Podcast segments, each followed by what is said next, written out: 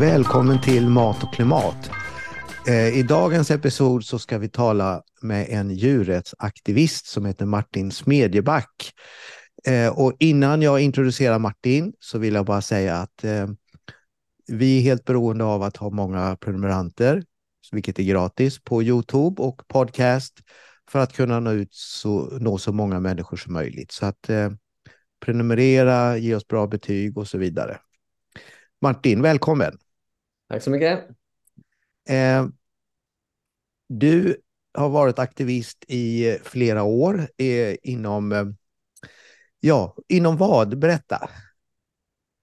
Ja, jag började inom fredsrörelsen och där hade jag faktiskt en anställning då. Så att eh, jag var ganska normal liksom, eh, kontorsarbetare fast jobba med en förening då.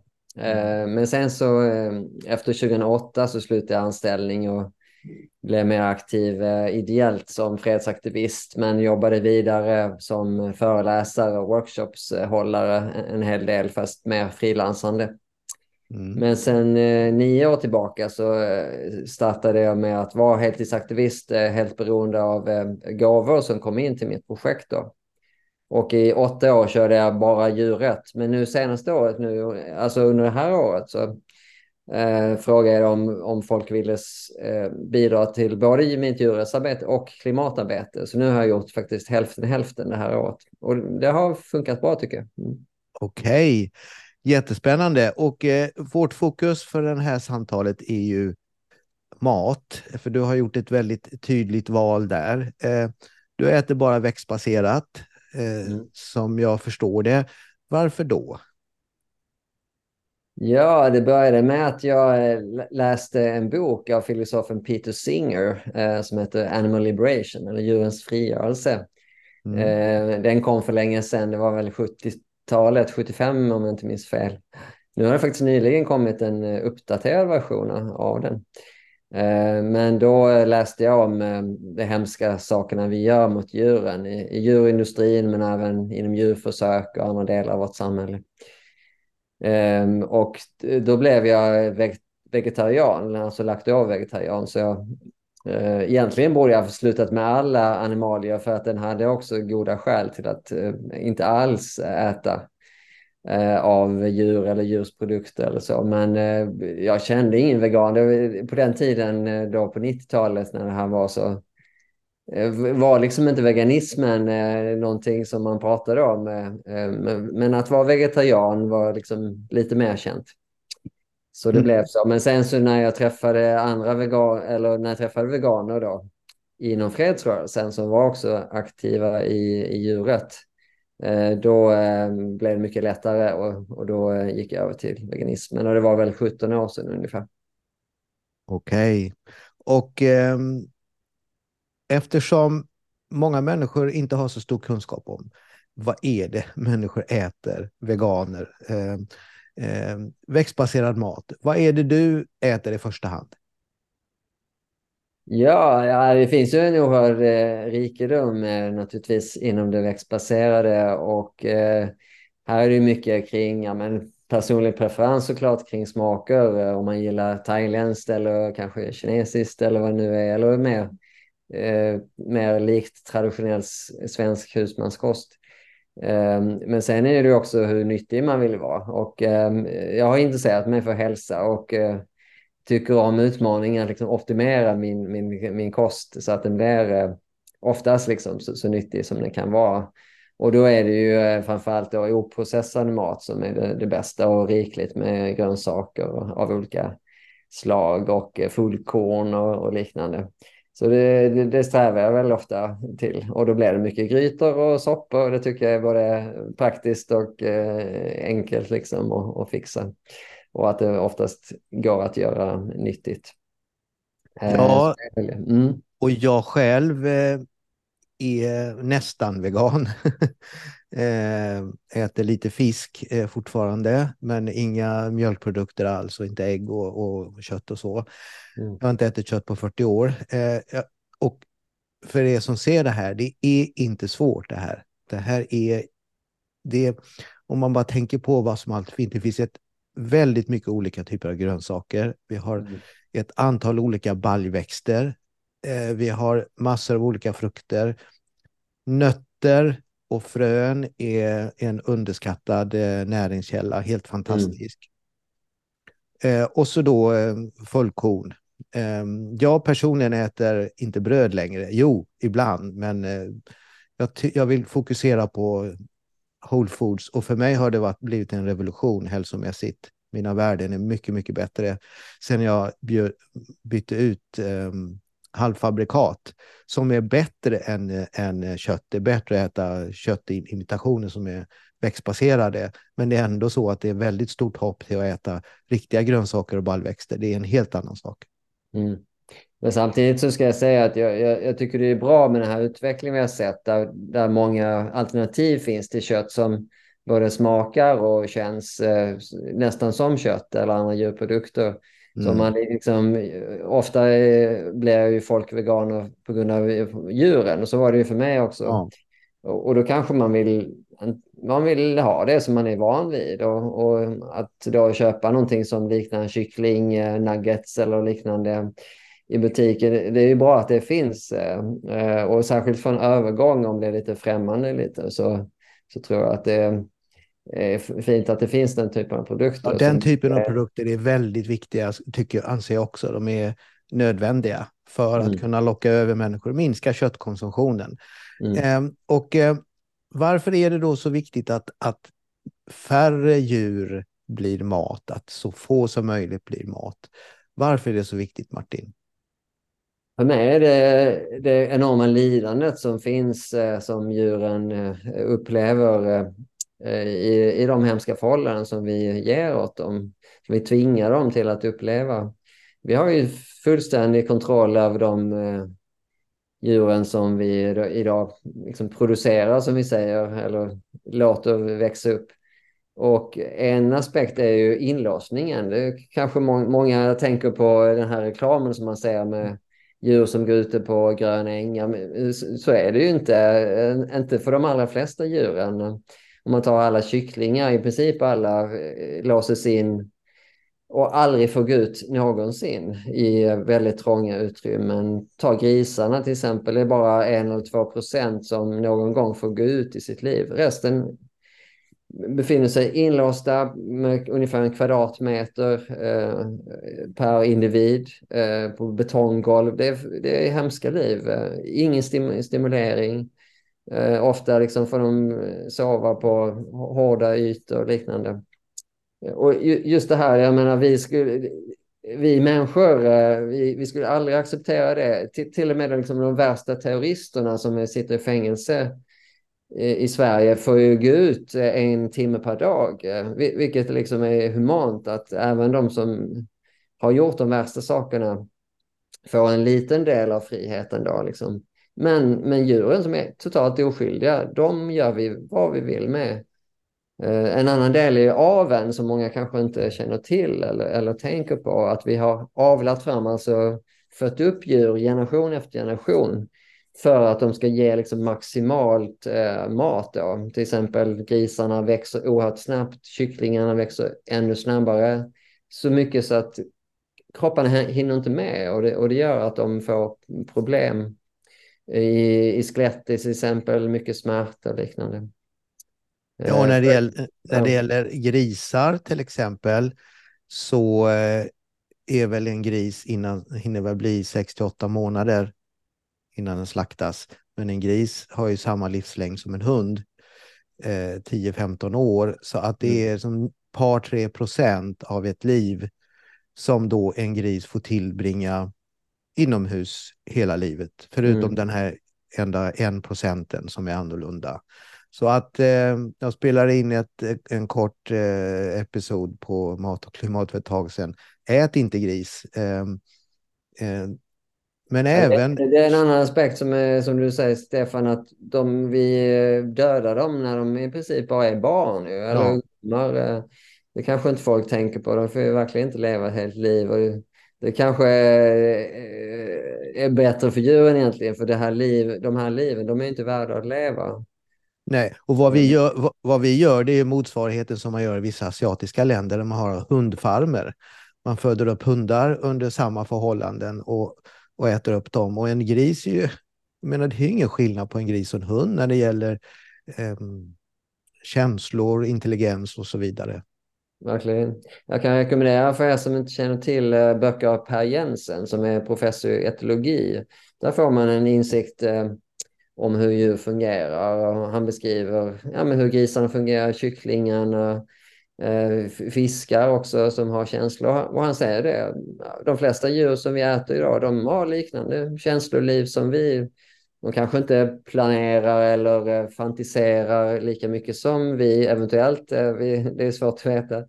Men eh, just det här att känna glädje, sorg, nyfikenhet, sådana basala känslor som är de viktigaste, de delar vi med dem. Ja. En annan aspekt som, som, som han nämner, eh, som är viktig också, det är att de flesta djur eh, eh, får leva föräldralösa hela sitt liv.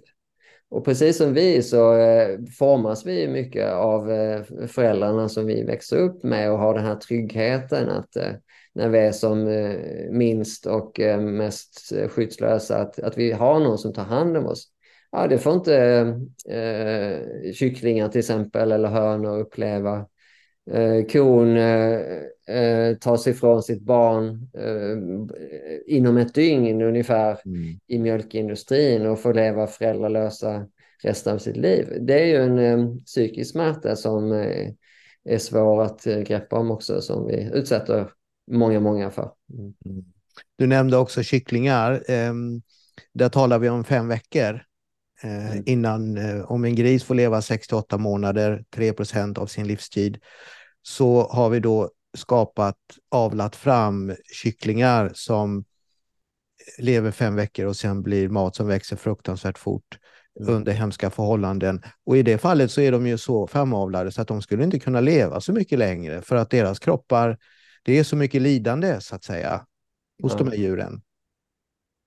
Verkligen, det fick man ju insikt i i Uppdrag gransknings eh, som kom ju bara Eh, nu är det någon vecka sedan eh, mm. Eh, som baserat på Djurrättsalliansens viktiga avslöjanden om hur det är i avelfabrikerna. Mm. Och där är det, de kallar det här paradoxen att deras föräldrar, alltså som sen som föder de som blir kycklingar, de måste ju leva längre eftersom de hinner, ska hinna få kläcka de här äggen. Liksom. Men eh, då har de ett sånt stort eh, behov av mat. De har en sån enorm hunger. Mm. Så att de måste i princip vara till svältgräns eh, för att de inte ska äta ihjäl sig helt enkelt. Mm. Så det, det, är ett, ytterligare ett problem inom mm. industrin. Man kan väl säga så här att det är ett systemfel. Det är efterfrågan på billigt kött som styr det här och i kombination med okunskap om hur hemskt eh, de här djuren har det eh, rakt över med några få undantag. Så att eh, enda sättet att påverka det här är väl att undvika helt enkelt helt och hållet och äta den här typen av mm. äta djur, att inte äta djur. Ja men verkligen, det, har jag kommit fram till eh, och folk säger att det, det är inte realistiskt att hela industrin ska ändras. Men då brukar jag säga det är inte realistiskt Eh, att tro att vi kan lösa de här problemen. Eh, för, för, man, för, det är de här eh, sakerna som inte, jag tror, nej, men det går inte att, att, lösa. Att vi liksom får det här som, kall, som vissa säger, bra köttet. Ja, men det, det, skulle bli för dyrt liksom, om, om, folk ska, eller om djur ska gå ut och beta liksom, och leva en stor del av sitt liv det hade liksom inte gått ihop. Så är, då är det bättre som du säger att gå över till växtbaserad eh, kost. Och, och det har ju andra fördelar med sig. Det kanske vi kommer in på. Eh, ni jobbar med mat och klimat här och klimatfrågan är ju också eh, jätteviktig aspekt av, eh, av djuren. Liksom att eh, om vi äter mer växtbaserat så är det bättre för klimatet och som vi har varit inne på hälsan. Mm. Ja, och det man alltid möts av det är ju det här med Eh, proteiner och eh, det är inte särskilt svårt att få i sig tillräckligt med proteiner. Om man äter både baljväxter och fullkorn havre till exempel, då får man de olika grupperna av proteiner. Eh, men det är klart, man, man, äter man bara växtbaserat så, så bör man ju också se till att man äter varierat. Det är naturligtvis viktigt. Men i princip, eh, sädeslag har en typ av proteiner och eh Eh, baljväxter som eh, svarta bönor till exempel har en annan typ av proteiner. Så att man brukar kunna täcka in det här behovet. Och så har vi också soja som är helt kompletta proteiner. Så äter du, det finns nu i de flesta butiker djupfrysta sojabönor, 20 kronor för 300 gram eller någonting. Jättegott och helt fantastiskt som, eh, som föda. Mm. Och eh, nötter och frön som du nämnde, det är också väldigt proteinrikt. Nu finns det typ ingen eh, som har proteinbrist om man inte eh, går till vissa länder i Afrika där de inte får tillräckligt mycket i sig när det gäller kalorier. Mm. Så att, och även om man ska bygga muskler och så, så är det inga, inga problem. Kanske man behöver lite mer i, i sig. Men nej, det är verkligen inget vi behöver oroa oss. Då är det mer eh, bristen på grönsaker och fullkorn och liknande som, som eh, Livsmedelsverket brukar framhålla som eh, att där vi kan bli bättre när det mm. gäller just eh, mat för hälsan. Mm. Bra. Um, så, att vi har, så för dig är klimatskälet också viktigt i, i det här valet. Ja, precis. Som sagt, det var inte det som initialt gjorde att jag ändrade, men eh, jag tycker det är ett skäl så gott som något. Klimatkrisen är ju eh, enorm, det vet vi. Det mm. handlar om vår gemensamma framtid, om vår civilisation kommer att palla för det här eh, i framtiden. Och, och jag bryr mig om lidande både för, för djur och vi som är människor. och det kommer ju drabba alla tänkande, kännande individer eh, eh, mer och mer, den här klimatkrisen som vi står i. Så, och vi, det är också klart att det handlar inte bara om fossila bränslen. Vi måste ställa om till elektrifiering och sådär. Men eh, som ni vet, eh, säkert ni som lyssnar och tittar på den här kanalen, så är maten en viktig del. Eh, som vi inte kan eh, eh komma undan. Liksom. Vi måste ställa om vår matproduktion om vi också ska klara de andra utmaningarna eller klimatkrisen. Ja, vad vi ser nu det är någon slags eh, eh, världen börjar långsamt, långsamt nu minska utsläppen ifrån energisektorn. Men när det gäller mat så fortsätter det ju rakt upp.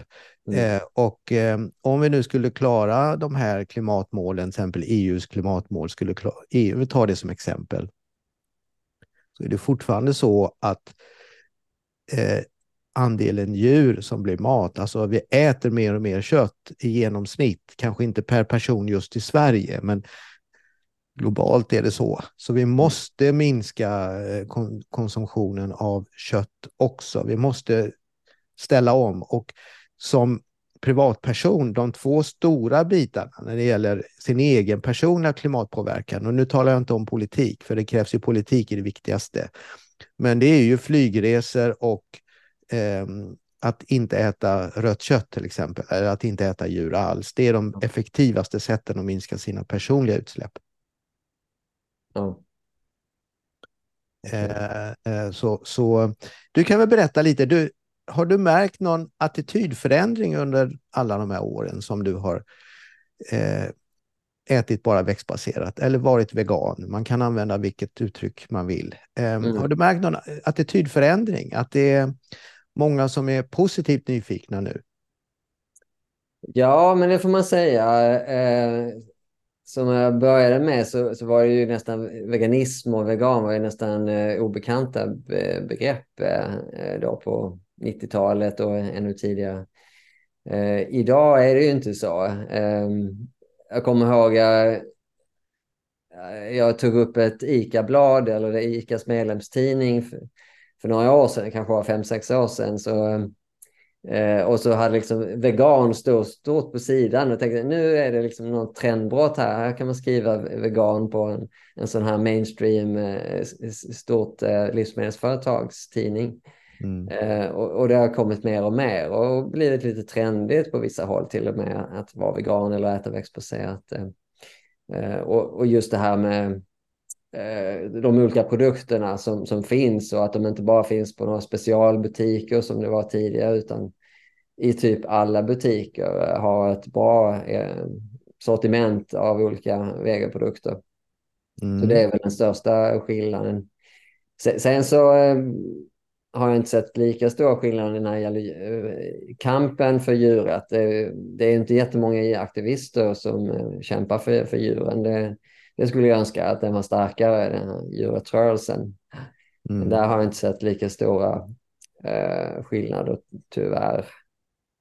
Vi har ju märkt att det är många konsumenter som väljer bort kött av klimatskäl. Och det är ju väldigt positivt eh, eh, eftersom det viktiga är ju att förutom utsläppen att färre djur plågas och dör. Mm. Ja, jag brukar säga det, jag bryr mig inte om eh, varför man minskar eller helst tar bort eh, kött och andra animalier, utan eh, det som spelar roll är ju att man gör det för djuren, för klimatet. Ja. Mm. Men som sagt, ja, men det tror jag verkligen att det är många som minskar eller, eller går över helt till växtbaserat på grund av, av klimatet. Mm. Och, och, för den, den, aspekten har ju ändå blivit mer omtalad på senare. Man pratar väl om biffen, bilen och vad är det? Bostaden. Bostaden, just det, precis. Mm. Så det finns ju med där eh, bland, eh, ja, i medvetenheten, det tror jag. Men, mm. men jag tror också mat är ju en mer känslig fråga och den ligger närmare oss än till exempel flygresande eller, eller bilresande. Så eh, politiker har ju knappt vågat ta tag i den frågan eh, för att... Och sen, och sen så, det är kanske dels att den ligger nära oss för att det... För att mat handlar också om traditioner och, och mycket känslor liksom kring vad man tycker om i livet. Mm. Men det är också eh, eh en stark jordbrukslobby som tror jag ligger bakom och gör det svårare att göra den här omställningen. För de håller fast med näbbar och klor i, i den här köttproduktionen och eh, verkar vara väldigt konservativ och inte vill ställa om, även om de skulle kunna göra det. Så har jag upplevt det som Lantbrukarnas riksförbund till exempel, som motarbetar den här omställningen som vi behöver göra väldigt mycket. Mm. Eh, du, den tredje aspekten av det här är ju hälsa, alltså djurens, det är för djurens skull, för klimatets skull, men också för hälsan och även om det inte är som driver dig i första hand, så har du märkt några effekter på dig själv? Ja, det, det är svårt att säga. Eh, det är så lång tid kanske. Så att ja, det är lång tid. Och jag menar, jag mådde väl bra tidigare också när jag åt kött eh, då i min ungdom och, och andra animalier.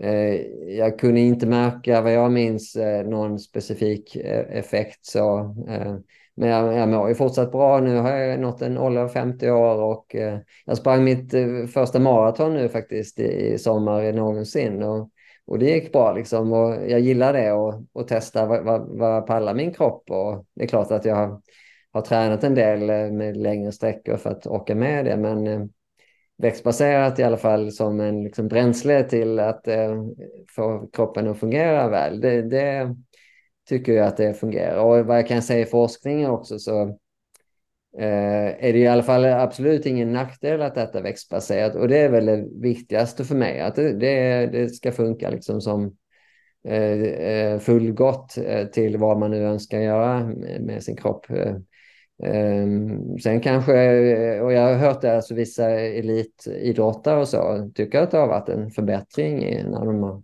skiftat från växtbaserat. Eh, Eh, men man kanske inte ska överdriva heller, liksom att det är någon slags, eh, eh, vad ska jag säga, någon, någon eh, lösning som ingen annan kost kan få. Liksom. För jag tror om man äter, äter hälsosamt och en väldigt liten köttkonsumtion och så, så kan, kanske det kan fungera lika bra eh, rent prestationsmässigt så också.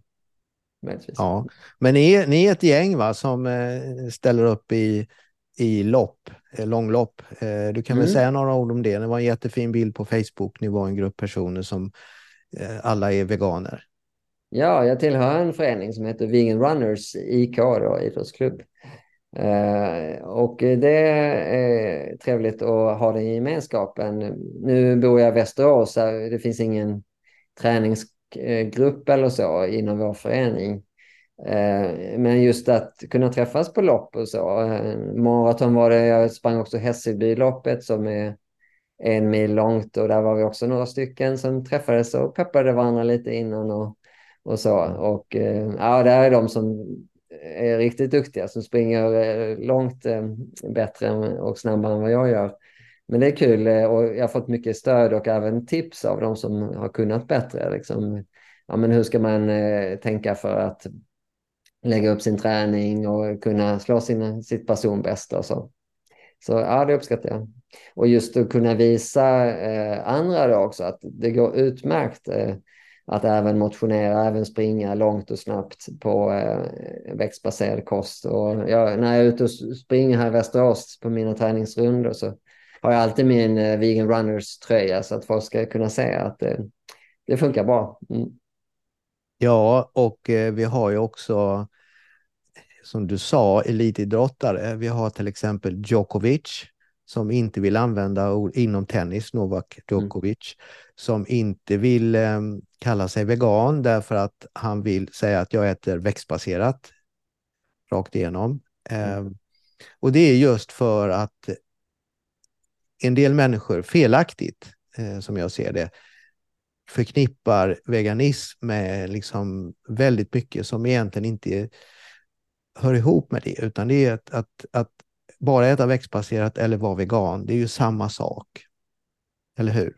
Mm.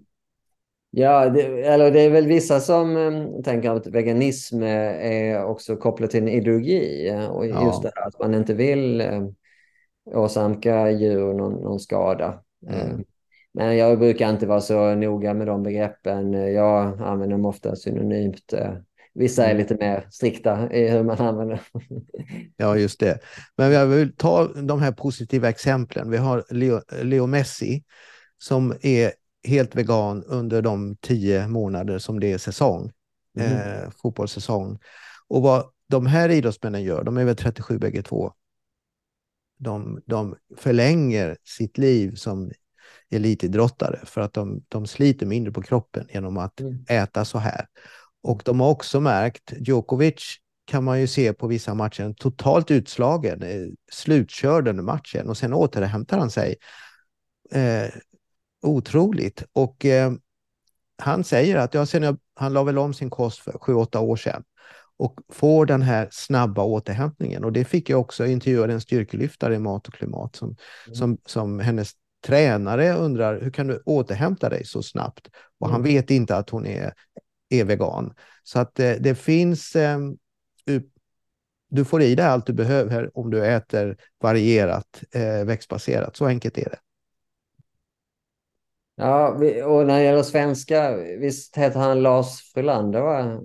Simon? Ja, ja. Han vittnar ju också om hur viktigt det var för hans prestation att gå över till veganskt.